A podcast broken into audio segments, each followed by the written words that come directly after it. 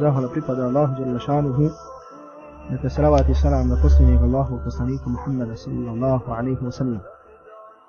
Kaže uzvišeni Allah subhanahu wa ta'ala, يا أيها amanu آمنوا اتقوا الله حق تقاته ولا تموتن إلا وأنتم مسلمون ovi koji vjerujete bojite se Allaha šanuhu istinskom bogobojaznošću i nemojte umirati osim kao pravi muslimani Allaha subhanahu wa ta'ala molimo da nas učini od onih koji ga se boje istinskom bogobojaznošću od onih koji će umrijeti kao pravi musliman. Mi ćemo večeras uz Allahu Đelešanu pomoć da kažemo ovaj, odstupiti od onog našeg ciklusa komentara dijela El Umda od Ibnu Kudame i da kažemo tako spomenut ćemo uopšte i ukratko propise koji su vezani za kurban s obzirom da nam se približava kurban Bajram i da veliki broj naše braće znači postavljaju pitanje koja su vezani za kurban. Pa ćemo da kažemo ovdje spomenuti propise nevezano, ili da kažemo ne ideći po nekom dijelu komentarišući, komentarišući neko dijelo, nego ćemo tako da kažemo ukratko spomenuti ono što smatramo da je najvažnije kada je u pitanju sami kurban. Draga moja braćo, kurban u arapskom jeziku, kao što ste možda čuli, kaže se al-udhija. Al to je jedno od najpoznatijih imena kako se kurban kaže na arapskom. A kurban, ono što mi, kako ga mi nazivamo, je također arapska riječ. Međutim, ima jedno drugo značenje, to je također kurban, misli ono što se prinosi kao žrtva, ono sa čim se ovaj približava Allahu Đalešanuhu i tako dalje.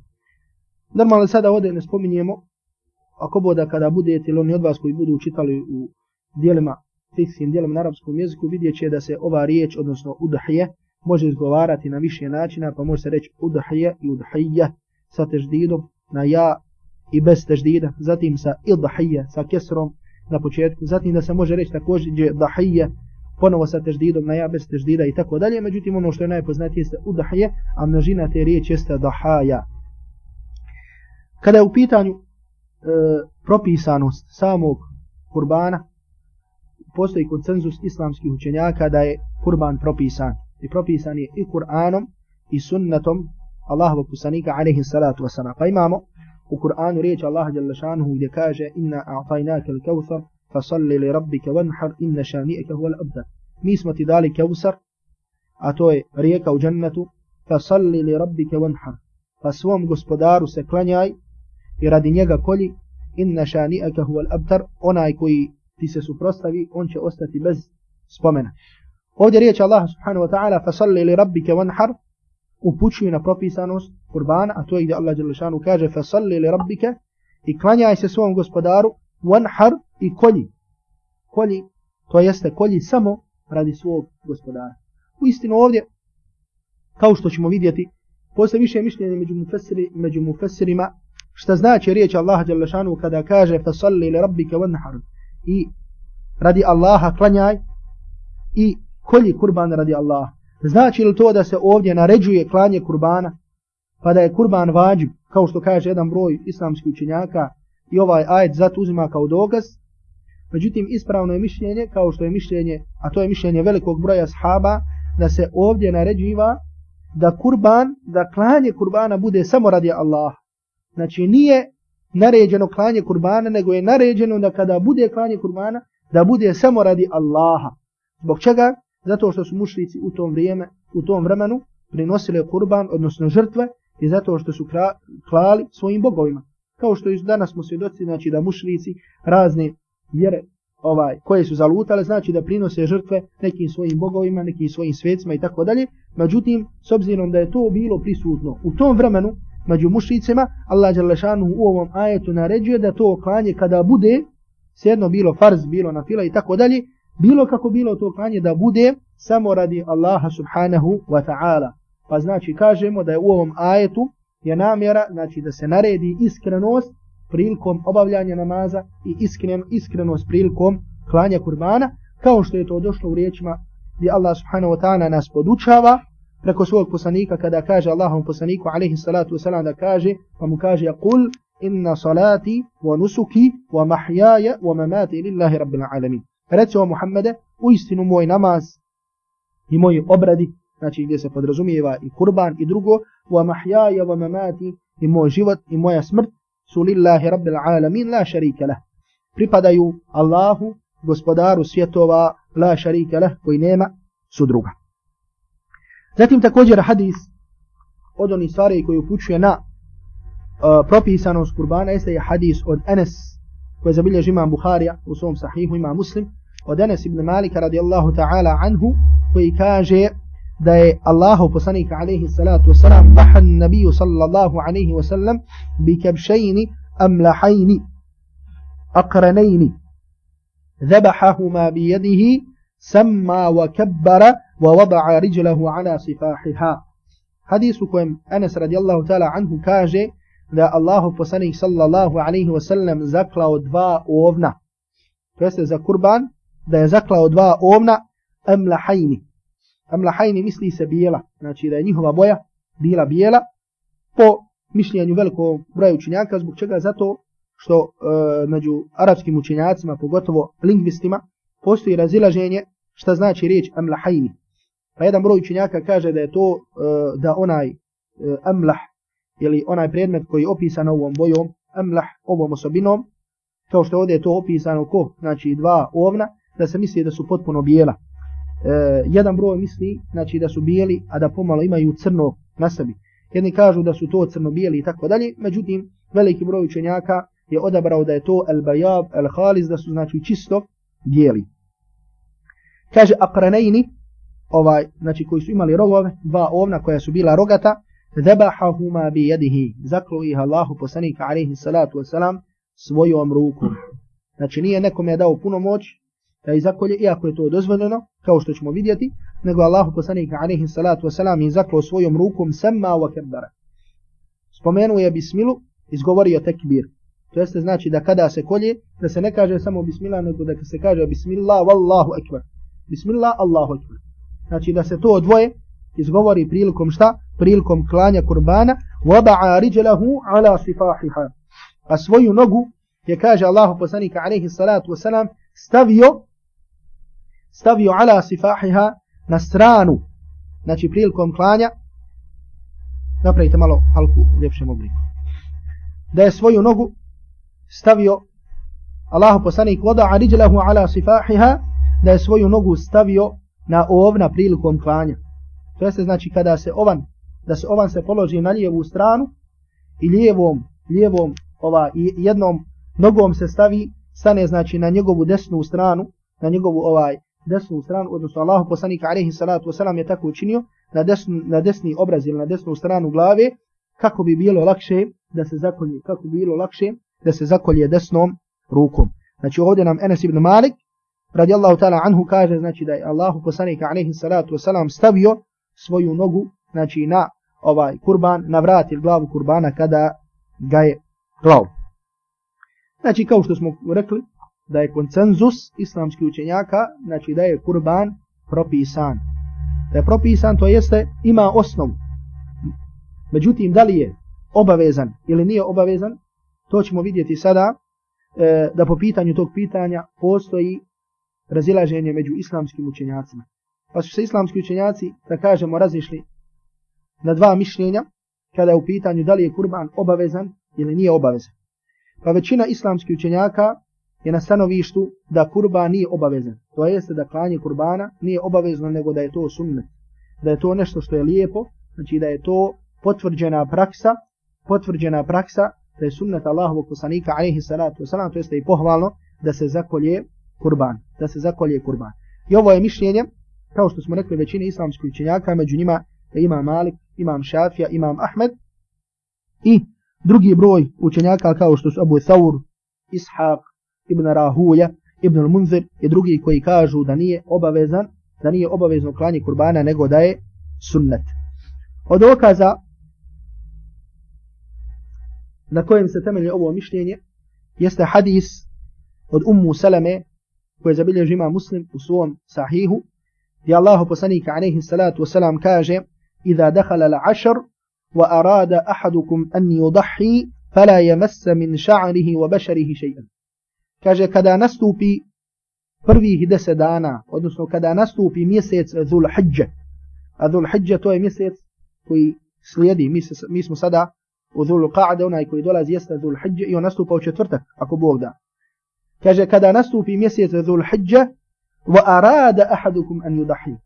I neko od vas želi da zakolje kurban, fala yamassa min sha'rihi wa basharihi shay'an neka ne dotiče svoju kosu i svoje svoju kožu neka ne dotiče svoju kožu svoju kosu i svoju kožu ovdje ćemo kao što uh, kao što će doći znači propisano je da onaj koji želi da zakolje kurban, da ne dotiče svoju kosu na glavi, to jeste da je ne šiša i da ne, da ne otklanja dlake na drugim dijelovima tijela, znači ispod pazuha, na stidnim mjestima, ukoliko želi da zakolje kurban. Znači propisano ti je ukoliko hoćeš da zakolješ kurban, da sada kada nastupi mjesec ul hađa, to je ko da u četvrtak, da od tog, da kažemo, dana, da ništa ne dotičeš od svoje kose, da ništa ne dotičeš, da kažemo da je ne šišaš, da ne otklanjaš mjesta, da stidi mjesta i tako dalje.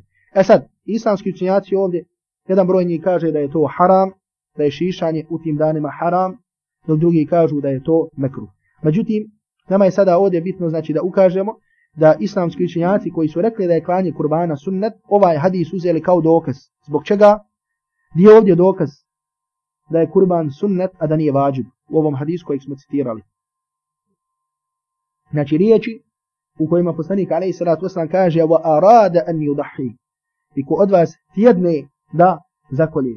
Što su veliki broj islamskih učinjaka shvatio, znači da se odnosi znači na želju, odnosno da kažemo, znači ukoliko čovjek to tjedne, što da kažemo upućuje da nije obaveza, jer kažu da je obavezan, obaveza, Allahu poslanik sallallahu alaihi wa sallam bi se drugačije izrazio u ovom hadisu. Zatim, možda da kažemo, od, e, s obzirom znači da se ovaj hadis može razumjeti i ovako i ovako, e, možda od jačih dokaza, jači dokaz od ovoga jeste praksa ashaba. Praksa ashaba radijallahu ta'ala anhum, kao što navod ima Mawardi u svom dijelu El Havil Kabir, da je skoro koncenzus ashaba Allahovog poslanika alejhi salatu vesselam da klanje kurbana nije obaveza. Da klanje kurbana nije obaveza i kažu to je e, da kažemo to je ono što upućuje znači da kurban nije obaveza. Međutim normalno sada e, kada se kaže konsenzus inače el ijma ili konsenzus u islamskom fikhu je nešto što je da kažemo širok pojam islamski učenjaci tako da kažemo vodili su velike polemike oko e, značenja koncenzusa i tako dalje. Pa e, nekada, e, u većini slučajeva kada se kaže da je nešto koncenzus ashaba, ne misli se da se od svakog od ashaba prenosi takvo mišljenje, nego u većini slučajeva hoće da se kaže da je prenešeno od jednog broja ashaba da su rekli tako i tako, međutim, a ne prenosi se od drugi da su rekli suprotno tome. A ne prenosi se od drugi da su rekli suprotno tome. Pa onda oni kažu da je drugačije mišljenje bilo među ashabima, drugi bi se suprostavili ili bi nam se prenijelo drugačije mišljenje. Međutim, kažu s obzirom da nije prenešeno, onda kažemo da je to koncenzus. Onda kažemo da je to koncenzus. A ovdje da kažemo, na primjer, preneseno, da se prenosi, e, kao što je zabilježio Abdur Razak u svom usannefu, od Ebu Bekra i Omera, da nisu klali kurban. Da nisu klali, to jeste da bi prošla godina, a da nisu da bi došla, na primjer, neka od godina, a da ne bi zaklali kurban. Ili preciznije, kao što je prenešeno od Ebu Mes'uda, al-Ansarija, ashaba koji kaže, inni la ada'u, inni la ada'u al-abha, wa inni la musir. Kaže ovaj ashab, kaže, ja ostavljam klanje kurbana. Ne misli se da ostavlja čitav život, nego misli se kolje, kolje, kolje, pa dođe godina, pa kaže, inni la ada'u, kaže, ja ostavljam da zakoljem kurban u, jednu, u jednoj od godina, wa inni la musir iako sam kaže u prilici da ga zakonjem iako sam prilici da ga zakonjem mahafata an yara jirani annahu hatmun alayya bojeći se da će moj komšija koji me gleda pomisliti da mi je on obaveza bojeći se da će moj komšija koji me gleda pomisliti da je on obaveza razumiti da je on obaveza ovde hoće da se kaže šta znači ovaj ashab je bio od učenih ashaba i normalno ljudi su se povodili za njim, kao što je običaj da se ljudi povode za učenom osobom, ne samo za njegovim riječima, nego i za njegovim dijelima. Pa, na primjer, ako vidi da on to radi, i on će to raditi. Pa ovdje Ebu Mes'ud al-Ansari ostavio činjenje određenog dijela, zbog čega kako bi podučio one koji ga gledaju da nije obaveza. Kako bi podučio da nije obaveza. Znači, što je propisano, da kažemo, za osobu koja je učena, da izvrši određeno dijelo, da ga učini ili da ga ostavi kako bi ljude oko sebe koji se povode za njim, kako bi ih podučio da određeno djelo treba činiti ili da određeno djelo ne treba činiti. Znači to je stvar koja je propisana za osobu koja je učena, koja, koja je halim, e, za koju se ljudi povode u određenom mjestu, u određenoj državi, a to je da svojom praksom pokaže ponekad da određena stvar, da nema zapreke da se ostavi, to jeste da je sunnet, da ljudi ne pomisle da je to vađu. Kao što bi, na primjer, danas bilo lijep od onih ljudi za kojima se, da kažemo, ljudi povode. Na primjer da jedne godine učine ovako, kao što učine Abu Mesud al Ansari. Zbog čega? Zato što kod našeg naroda postoje jedno pogrešno mišljenje, a to je gdje smatraju da čovjek, ako počine sa klanjem kurbana, kurbana da mora svake godine tako da čini da ne smije ni jednu godinu da preskuči. Pa dosta ljudi, na primjer, bude u stanju da zakolje kurba, međutim ne zakolje ga. Zbog čega? Kaže, eh, ove godine ću ga zaklati, međutim ne znamo ću li moći sljedeće godine da ga zakonim tako dalje. Znači to je mišljenje koje nema nikako utemeljenje u šarijatu. Nego čak, ono mišljenje, čak i mišljenje po kojem se postupa ovdje na našim prostorima, to je mišljenje Hanefijskog mezeba koji kaže da je klanje kurbana obavezno, oni kažu i po tom mišljenju se kaže, kao što ćemo vidjeti, da čovjek ukoliko ne bude u određenom imovinskom, da kažemo, dobrom stanju, da nije obavezan da ga zakolje. Znači može da kolje određen broj godina, da jednu ili dvije shodno svom stanju da preskoči i da zakolje onda kada može. Jer je pojenta klanje kurbana kada, koja je pojenta, znači pojenta je da li su mogućnosti te godine da ga zakolješ ili ne, a ne da li si počeo ili nisi počeo da ga kolješ. Drugo mišljenje jeste da je, e, da je kurban obavezan. Da je obavezno klanje kurbana one osobe koja bude u mogućnosti e, tako da kažemo da zakolje kurban tog bajrama. Znači ko bude u mogućnosti da kažem u dobrom imovinskom stanju e, za dane bajrama po broju jednog broja, po, jedno, po, po mišljenju jednog broja islamskih učenjaka, klanje kurbana je obavezno. I to je mišljenje prije svega Ebu Hanife, rahmetullahi alehi, zatim također mišljenje ova imama Rabije, zatim imama Euzaija, Lejsija, eh, jednog broja učenjaka Malikijskog mezheba. I naš šeh, rahmetullahi alaih, šeh Abdul Qadir je odabirao mišljenje i bio je mišljenje da je klanje kurbana obavezno. Da je klanje kurbana vađib, da je obavezno, a da nije sunnet. I dokaz, eh, ona, eh, ono što je šeh spominjao, što je spomenuo nekim svojim dijelima, kao dokaz obaveznosti klanja kurbana jeste hadis koji je zabilježio imam Hakim u svom Mustadraku, imam Ahmed u svom musnadu debu Hureyre radijallahu ta'ala anhu, gdje se prenosi da Allahu poslanik sallallahu alaihi wasallam rekao, من كانت له من كانت له ساعة فلم يضحي فلا يقربن مصلانا كاجي كبودي أستاني دا زكولي قربان أنا زكولي إيجا نكا سنبرمي چه نشوي مصلي نكا سنبرمي چه نشوي مصلي مصلي إشتا ناچه ميستو كده klanja. Znači jezički musalla je mjesto gdje se klanja. A da kažemo, e, skoro svako mjesto je prije imalo musallu kao što i mi danas imamo dio grada koji se zove musalla. Je tako? Zbog čega se zvala musalla musallom? Zvala se zato što bi se tu klanjali bajrami. Zato što bi se tu klanjali bajrami.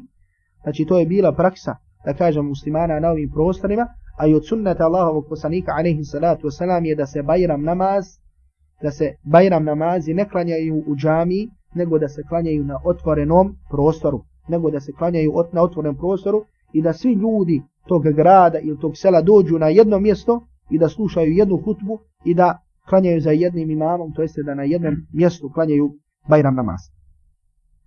E, znači da kažemo, drugo mišljenje jeste da je obaveza klanja kurbana onoga koji bude u mogućnosti tada da ga zakolje. Norma, e, Ebu Hanife, rahmetullahi alaihi, e,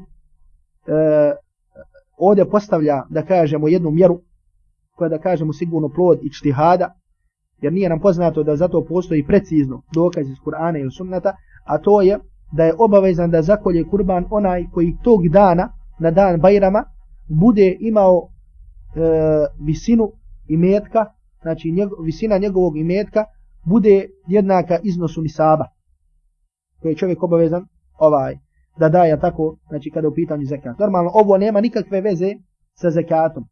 Međutim, granica bogatog koji je obavezan da zakolje kurban po mišljenju Ebu Hanife i siromašno koji nije obavezan da zakolje kurban jeste nisab. Znači, ako ponavljam, znači ovo, tu ne, to nema nikakve veze sa zekatom, nego je ovdje granica između bogatog i siromašnog. Pa kaže Ebu Hanife, kod na dan Bajrama bude imao imetak u iznosu nisaba ili više, on je obavezan da zakolje, on je obavezan da zakolje kurban.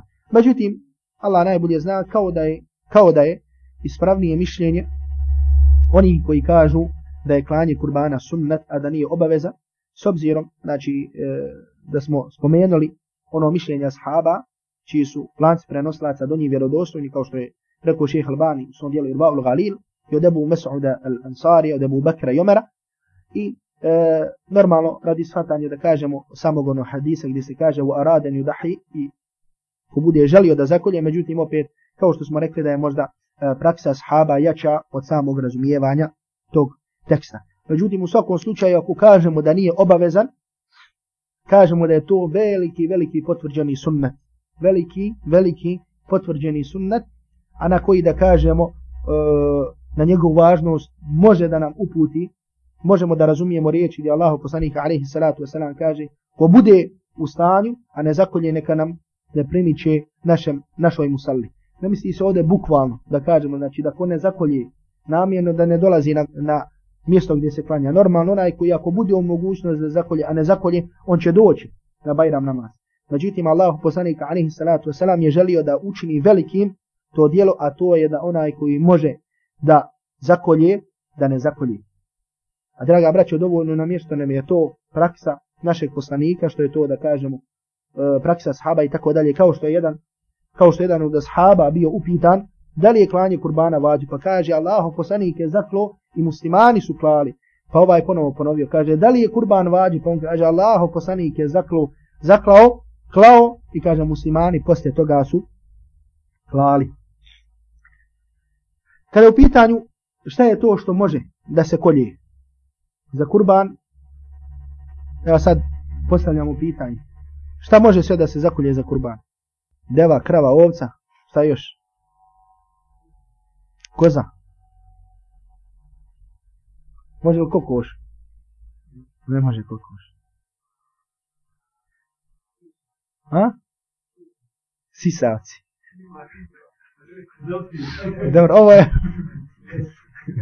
Znači, definicija, definicija je jedna nova, da se kurban mogu usisati.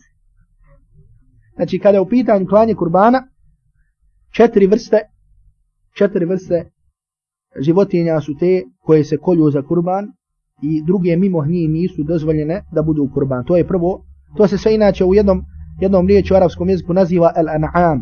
Mogli bi da prevedemo, prevodi se kao stoka. A to je znači, to je prije svega, uh, ako ćemo po, uh, po, prvo su deve, zatim drugo su krave, zatim ovce i koze.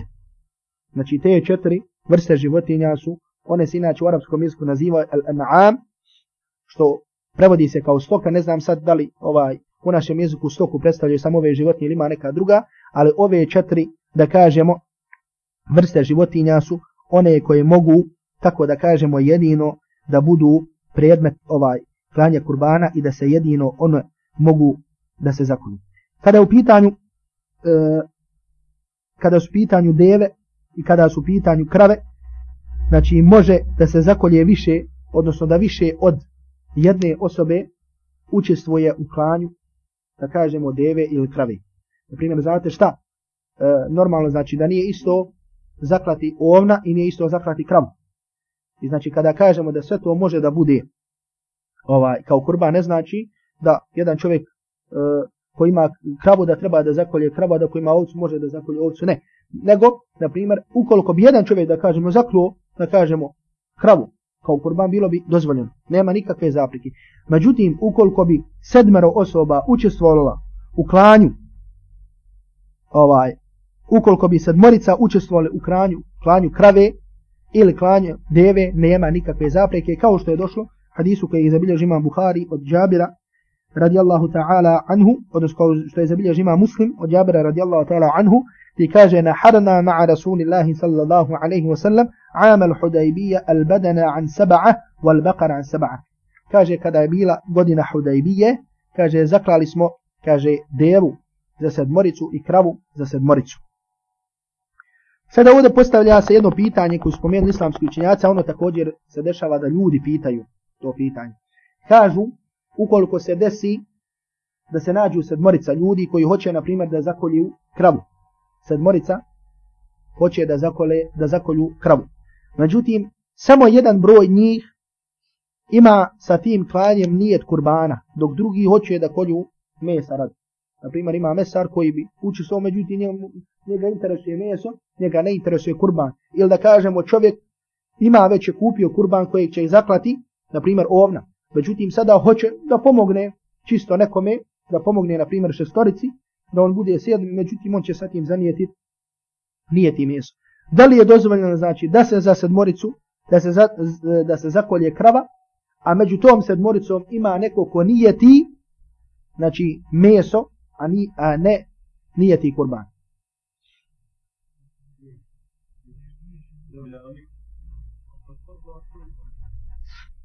Ako je kurban, kurbani. Dobro. Dobro, po pi ovom pitanju postoje dva mišljenja među islamskim učinjacima. Mišljenje ogromne većine jeste da je dozvoljeno. I da svaki, za, za svakog čovjeka važi njegov nijet. Da za svakog čovjeka važi njegov nijet.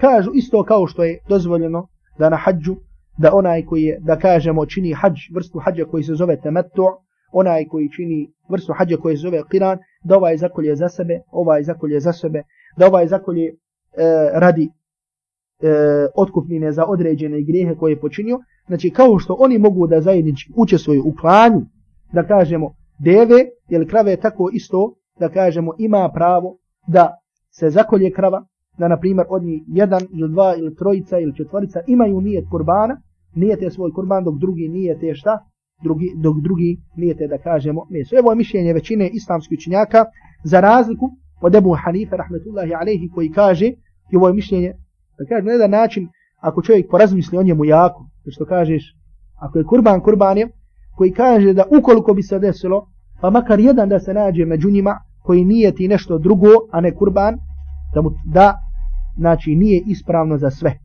Zbog čega? Zato što kada se kolje, treba da zna zašto se kolje u smislu da je jedno pranje. Međutim, opet, većina islamskih učenjaka kažu da je dozvoljeno.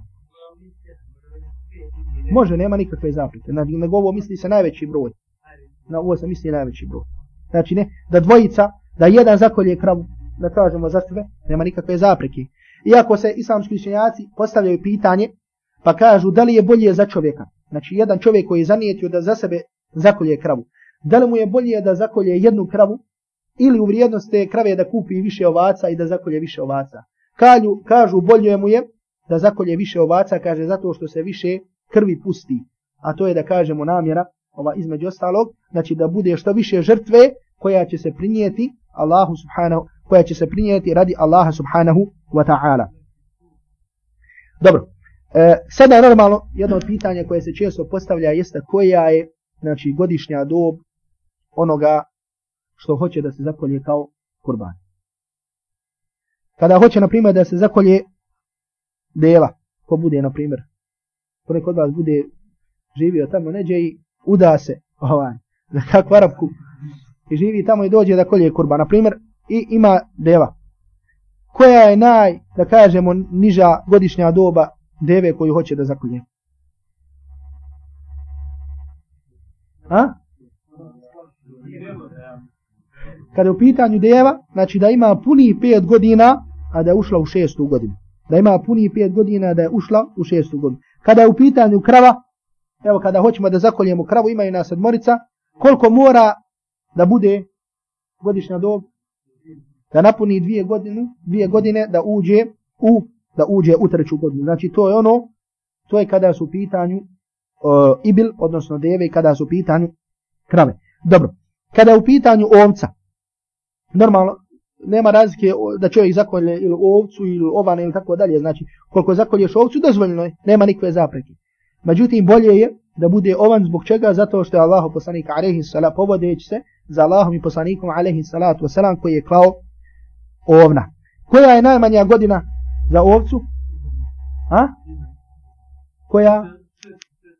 Znači ovdje imamo dva mišljenja među islamskim učinjacima i Allah najbolje zna ispravnije, znači da napuni šest mjeseci, znači da bude iznad šest mjeseci, mada postoji, na primjer, imam nevi odabire i kaže da je ispravnije, da treba da bude godinu, da bude godina dana. Međutim, ukoliko bi imalo šest mjeseci pa gore, znači nema nikakve, nema nikakve zaprike i to je mišljenje imama Ahmeda, imama Šafije i tako dalje.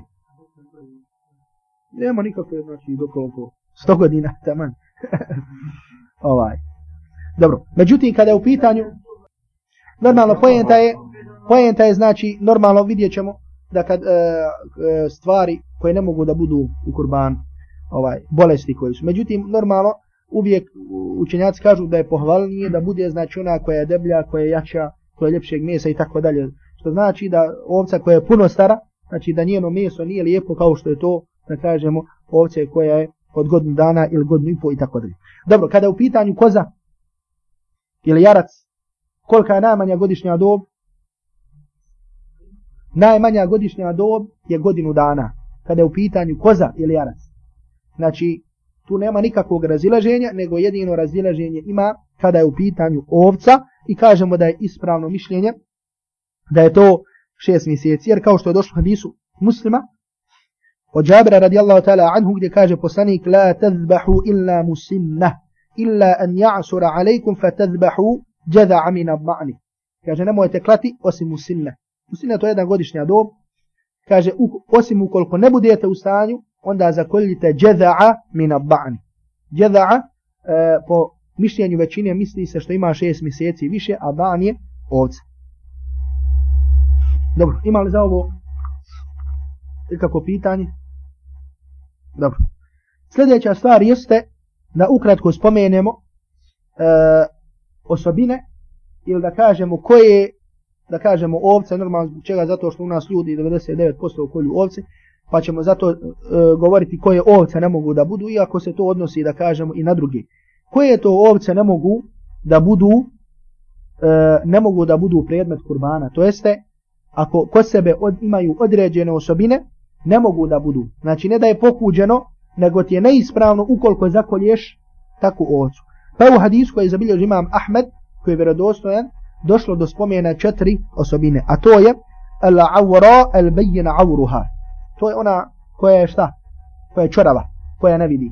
Ili kaže se, kako ćeš znat koja je ovca čorava, kažu ona ako većina njeno, njenog oka je bjelilo, znači, a mal, manji dio ono crno, znači zemce kaže, to se misli, znači da je čorava i znači e, ne može da bude. Međutim, mada aura ne znači potpuno da kažemo, koja čorava, nego ona koja dobro ne vidi.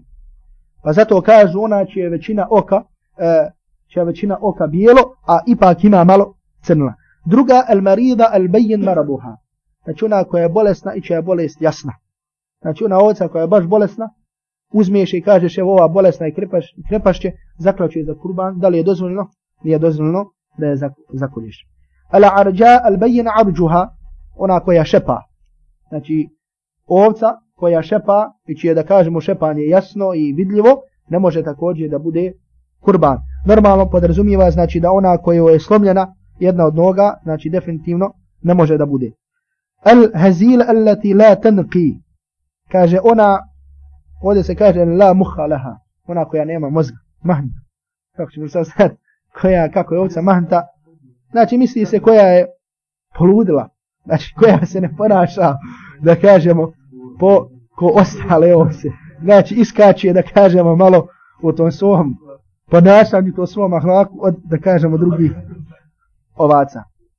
Znači, to su četiri osobine koje su spomenute, da kažemo, mada ostale, e, da kažemo, mahane koje imaju islamski učenjavati spominju ili ili se to temelji, da kažemo, na hadisima koji nisu vjerodostojni, ili se, da kažemo, e, temelji na shvatanju, odnosno na, na, na analogiji ovih prethodno spomenutih ovaj osobina. Pa tako, na primjer, spominje se propis e, one ovce, znači koja je, či, e, čiji je rog slomljen. Znači, da li ona može da bude, većina islamskih učenjaka kaže da ukoliko je rog slomljen, da to može da bude predmet ovaj kurban. Iako postoji hadis, a hadis je munker ili da, slab, da je, kao što kaže Albani, da je Boži, od Ali radijallahu ta'ala anhu, da je Boži poslanik zabranio da se kolje ovca či rog. Slovo međutim hadis je ovaj slab. Normalno, zatim svaka osobina da kažemo uh, da, koja upućuje na jedan vid manjkavosti kod ovce, a ni nisu ove prethodno spomenute osobine, znači stvari su koje znači pohvalno je da se da se kloni da takva ovca bude ovaj kao kurban. Zatim islamski učenjaci su također e, spomenuli određene stvari koje su pohvalne prilikom klanja kurbana, to jeste kakav kurban treba da izgleda. Pa je znači, na primjer, pohvalno da bude deba. Znači, prije svega normalno da bude ovan, da bude što deblji. I ne samo to, znači, nego je čak propisano, znači, da se deblja, znači da se posebno čuva i znači da mu se daje da se deblja tako kako bi bio ovaj debel, kako bi taki bio kao kurban. Znači sve povodeći se za onim, za vrstom onog ovna ili onih ovnova koje Allah poslani alaihi salatu wasalam klao. Pa čak islamski učenjaci spominju i boje. Znači da je preće da bude ove boje nego ove boje.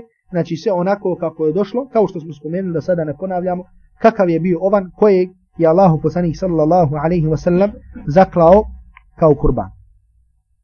Zatim ovdje također e, propis koji smo spomenuli na samom početku, a to je e, propis znači kidanja noktiju, znači mi smo, mi smo spomenuli da se tu odnose i nokti, znači i šišanje i otklanjanje dlaka na stidnom mjestu, a to je na osnovu hadisa u kojem se kaže od Ummu Salame, zabilježi ima muslim, i da dehala l'ašr, kada uđe prva desetina mjeseca Dhul-Hijja, wa arada ahadukum an yudahi i onaj od vas koji hoće, koji je namijetio da kolje, fala je mesa min ša'rihi wa bešarihi še'an, neka ništa ne dotiče od svoje kose i od svog, ovaj, od svog, svoje kože, od svog tijela. To jeste neka ništa ne, ovaj, ne, ne otklanja sa sebe. Jedan broj učenjaka kao što je Ibn Hanife je da kažemo sporio ovaj propis, pa je rekao da nema nikakve zapreke da se to čini. I to je jedan rivajat od imama Malika, mada je većina islamskih učenjaka, to je ispravno, radi čega radi ovoga hadisa koji je vredostojen, su uzeli da se postupa po ovom hadisu s tim što su se razišli, znači da li je ova zabrana, zabrana tahrima, odnosno da li je haram ili je pokuđeno. Da li je haram ili je pokuđeno. Pa Imam Ahmed kaže da je haram. Da je haram znači da je strogo zabranjeno na osnovu zabrani koje je spomenuto hadisa, to je felaje mese, neka ne dotiče da je haram čovjeku da ovim danima se šiša ili kida nokte ili da kažemo otklanja e, dlake sa drugih dijelova svog tijela. Dok većina islamskih učenjaka, među kojima imam šafija, među kojima imam ovaj, e, među kojima imam šafija, ima malik u jednom svom rivajetu i drugi, kažu da je to mekruh, međutim mekruh tenzihan, u smislu da je to nešto što je pokućeno, i ova, da ova zabrana ima kategoriju zabrane, znači koja nije jaka, nego misli se, znači, hoće sa njom da se ukaže na pokuđenost. Znači, većina smatraju da je to zabrana sa kojom se želi ukazati na pokuđenost, a ne na to da je zabranja. Međutim, opet, da kažem, općenitost hadisa i izraza u hadisu, da kažemo, upućuje na ono što je rekao Imam Ahmed, a to je da je zabranjeno da se to čini za onoga koji želi da zakolje kurban. Na početku smo spomenuli ukratko pa ćemo sada ako bolje ponovo da spomenemo, a to je da se kaže u hadisu koji smo citirali, hadis koji zabilježi ima Bukhari muslim, zabahahuma bi jedihi, da je Allah poslanik alaihi salatu wasalam ta dva ovna, što je zaklao kao kurban, da je zaklao i svojom rukom. To znači pohvalo da čovjek svoj kurban kolje svojom rukom. Međutim, ukoliko bi se desilo da je čovjek da kažemo, neću, neću reći kukavica, nego da ne smije boji se krvi, da vidi ovaj e, na primjer da mu je muka, ko što ima velik broj ljudi, muka mu kada vidi tako krv, i rekne drugom da zakolje. Da li je dozvoljeno da drugi zakolje? Dozvoljeno je. Nema nikakve zapreke, nema nikakve zapreke, čak ogromni i većina islamskih učinjaka kažu ukoliko daš puno moć, da kažemo, i kršćaninu, odnosno kršćaninu ili židovu, čovjek koji je, čije je ovaj, e, dozvoljeno da se jede ono što on zakolje, nema nikakve zapreke osim što kažu da je pokuđeno da se kurban takvom čovjeku da da ga zakolje, to jeste kršćanu ili židovu, nego je treba da se da muslimanu i to ne samo da kažem običnom muslimanu, nego muslimanu koji uopšte poznaje propise koji su vezani za kurban, pa koji zna šta ne smije da bude u kurbanu pol, ukoliko bi se kod kurbana našla određena osobina da on ukaže na tu ovaj da kažem osobinu kao što je spomeno imam Nevavi rahmetullahi alejhi u svom komentaru muslima Znači, ukoliko ti ne možeš da zakolješ, daš nekom drugom, nema nikakve zakljeve. Zatim, najbolje je da ti tu budeš prisutan. Znači, da on, kada kolje, da on bude prisutan. Međutim, ukoliko bi ti dao puno moć, nekome je da zakolje za tebe na nekom drugom mjestu, da li je to dozvoljeno? To je također dozvoljeno. I nema među islamskim učenjacima onoga koji kaže da je to, da ta stvar nije dozvoljena. Znači, na primjer, da ti sada imaš babu ili brata u Norveškoj, u Švedskoj, ili e, za našu braću koja su dijaspori, koji imaju, na primjer, svog babu ili brata u Bosni, i da njima pošalju pare i kažu za kolji za mene. Nema nikakve zapreke da se takvo nešto učini, i to je da kažemo nema razilaženja, nema nikog ko kaže među islamskim učinjacima da to nije dozvoljeno. Dobro, ja pretpostavljam da će većina sada upitati vezano za fetvu koja je poznata, od strane islamske zajednice u kojoj se kaže da nije dozvoljno ovo uplaćivanje e, u marhametu, znači uplaćivanje kurbana koji se kolje u Australiji. Znači ti uplatiš 130 ili koliko je 120 maraka i tvoj kurban se zakolje u Australiji.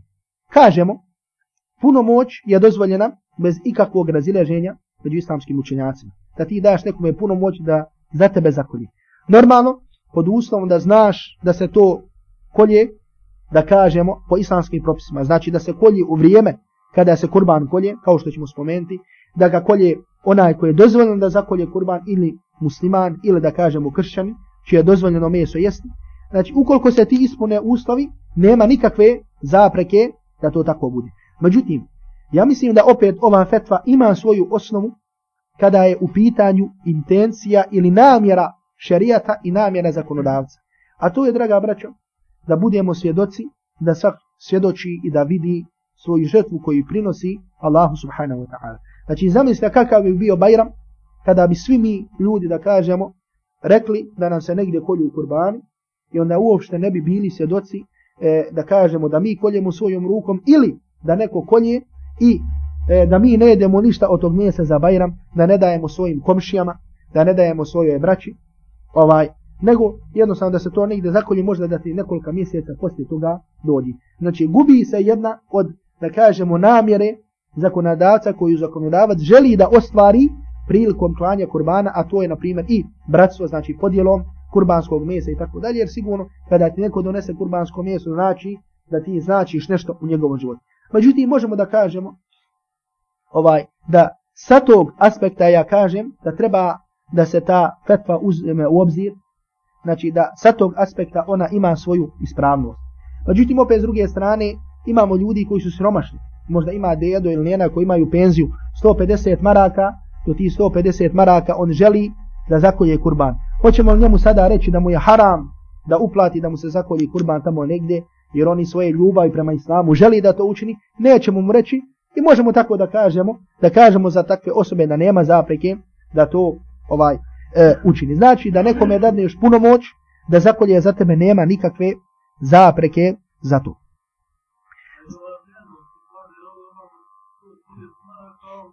Znači kada je u pitanju vrijednost kurbana, draga braću, znači neko hoće da kaže e, da cijena kurbana utiče. Cijena kurbana uopšte ne utiče, da kažemo na sami kurban.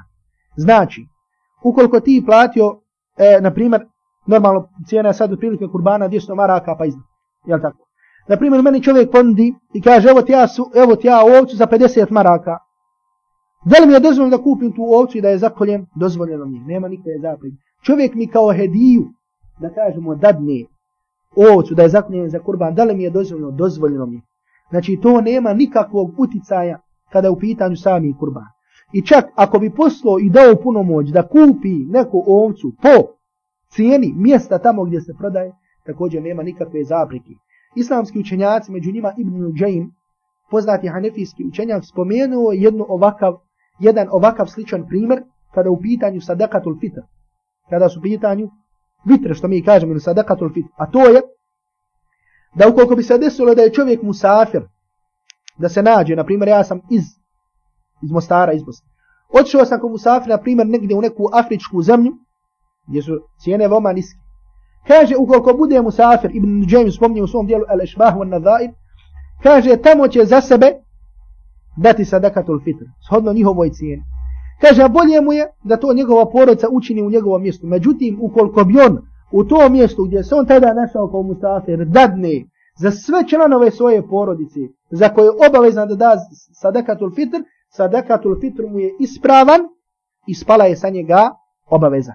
Znači da kažemo pitanje slično ovome su islamski učenjaci, da kažemo učenjaci hanefijske pravne škole, škole među njima Ibn Nujaym u svom dijelu El Shbah van Nadair spomenuli. Što znači da cijena kurbana nema nikakvo, da kažemo nema e, uticaja kada je u pitanju sami kurban.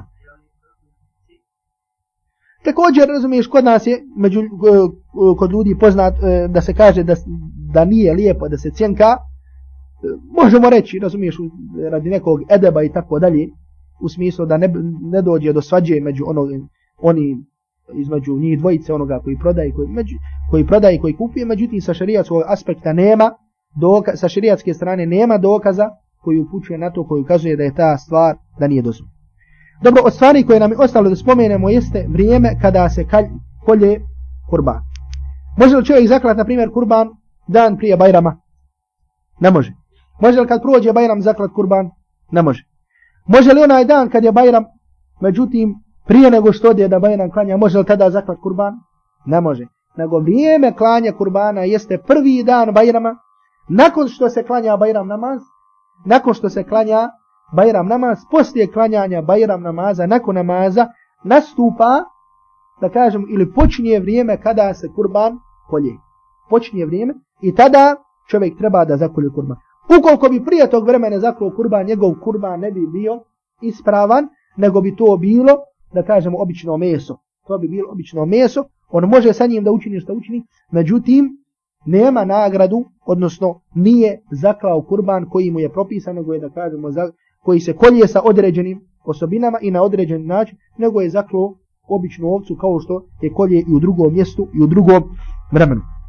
Međutim, kada je zadnji dan klanje kurbane. Može li neko zaklati drugi dan? Treći? Može. Međutim, postoji razilaženje da li se četvrti dan Bajrama može zaklati. Postoji razilaženje među islamskim učenjacima i zato kažemo znači da je najbolje da čovjek ne odugovlači, nego odmah prvi dan kada je po koncenzusu dozvoljeno da se zakolje kurban, kada je vrijeme kurbana, da tada, zak, da tada zakolje da tada zakolje kurban. O stvari koje su nam ostale, jeste šta čovjek radi sa kurbanskim mesom. Ono što je poznato, što je većina islamskih učenjaka spomenula u svojim dijelima, iako se to temelji na hadisima i na predajama koji su slabe, u kojima ima slabosti, a to je da se jedna trećina ostavi, da se jedna trećina jede, da se jedna trećina podijeli, da kažemo kao sadaka, i da se jedna trećina ono ostavi za sebe, znači da se ostavi za korištenje poslije ovaj, E, da se ostavi za korištenje poslije, da se stavi u frižider i tako dalje. Znači to je ono što je spom. Ili na primjer, da kažemo da jedna trećina kao je hedija, jedna trećina kao sadaka, siromašnim, jer kakva je razlika između sadake i hedije, sadaka je jedno i drugo su davanje, međutim sadaka je sa nijetom pomaganje nekom, nekome, onaj koji je slabije stanje, međutim hedija je znači sa nijetom bratstva, znači iskaziva, da i iskažeš, da pokaže znake prijateljstva i tako dalje.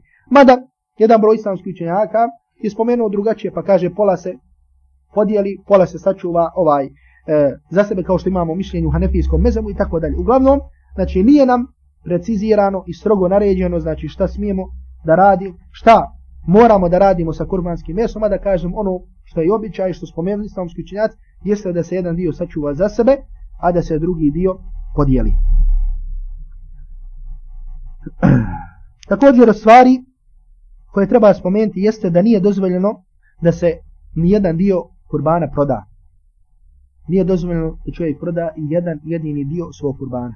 I to je mišljenje koje je ispravnije i to je mišljenje ogromne većine islamskih učenjaka. Dok imamo mišljenje Ebu Hanife koji kaže da može, na primjer, da čovjek proda jedan dio svog kurbana. Na primjer, kao što je ono kod nas rašin da se proda, ovaj šta da se prodavaju ovaj, da se prodavaju kožice i tako dalje, da se daju, da se za nju uzma protuvrijednost, tako dalje, ne. Znači, ukoliko želiš da daš nekome kožicu, daš, međutim ne uzmaš za to nikakvu nadoknadu. Također jedna stvar koja je, e, koja je došla u sunnetu zabrana, a to jeste da ukoliko neko kolje tvoj kurban, ne možeš ti da ga zakolješ, kako ćeš mu platiti, znači platit ćeš mu, da kažemo, u parama ili nečem drugom što je nevezano za sam kurban nije ti dozvoljeno da mu dadneš jedan dio tog kurbana kao nadoknadu za njegov rad. Što znači da je dozvoljeno da nekome daš nadoknadu da, da ga platiš radi njegovog, radi toga što i zakolje kurban, znači zakoljete ga, oderete ga i tako dalje, međutim pod uslovom da to ne bude iz, da to ne bude odnosno od samog kurbana, na primjer da mu daš kožicu, da mu daš paču, da mu daš da kažem u kilo ili dva ili tri mjese i tako dalje, ne, nego mu platiš sa nečim što je nevezan, nevezano za sam nešto e, ovaj što nije vezano za sam kurban. I kao što smo rekli, to je ogrom, mišljenje ogromne većine učenjaka. E, također jedna stvar, a to je da ukoliko bi čovjek rekao, na primjer spominje se sada, nećemo ići dalje u te detalje, a to je na primjer e, da oni učenjaci koji kažu da je klanje kurbana sunnet, kažu da u određenim stvarima može da postane klanje kurbana vađib, da može da postane obavezno, a to je da ukoliko bi čovjek učinio zavjet, odnosno nezr, zavjet ovo se da će zaklati kurban. Tada taj kurban, znači svejedno da li bio, da li on to zanijetio kurban, da kažemo koji je u danima bajrama, ili nekada drugo da će zaklati ovcu, to za njega tada postaje obavezno, znači zavjet. Ukoliko čovjek učini zavjet i kaže, Allaha radi ću zaklati ovu ovcu. Tada klanje te ovce njemu postaje obavezno. Ili zavjetuje se da će ta i taj bajram zaklati kurban, to klanje kurbana njemu postaje obavezno, znači po mišljenju onih učenjaka koji kažu da je klanje kurbana sunnet. Kažu također slično tome, kažu ukoliko bi čovjek rekao ovo je moj kurban, na primjer pokazao na ovcu i rekao ovo je moj kurban, postaje mu obaveza klanje kurbana. Znači nije više sunnet, nego mu je sada prešlo obavezu, zbog čega? Zato što je to na jedan način sam sebi učinio obavezno, odnosno zavjetovao se da će to učiniti prema Allahu i obaveza mu je da to ispuni prema Allahu subhanahu wa ta'ala. Znači da je ovo je bilo ukratko što je bilo ovaj vezano za propise kurbana, što smo mislili da je važno i da se često pita oko toga, mada ukoliko postoji znači nešto što nismo spomenuli, ovaj, a mislite da je važno ili da treba znati bujno da ili, znači da dodate, da kažemo to, ili, znači da...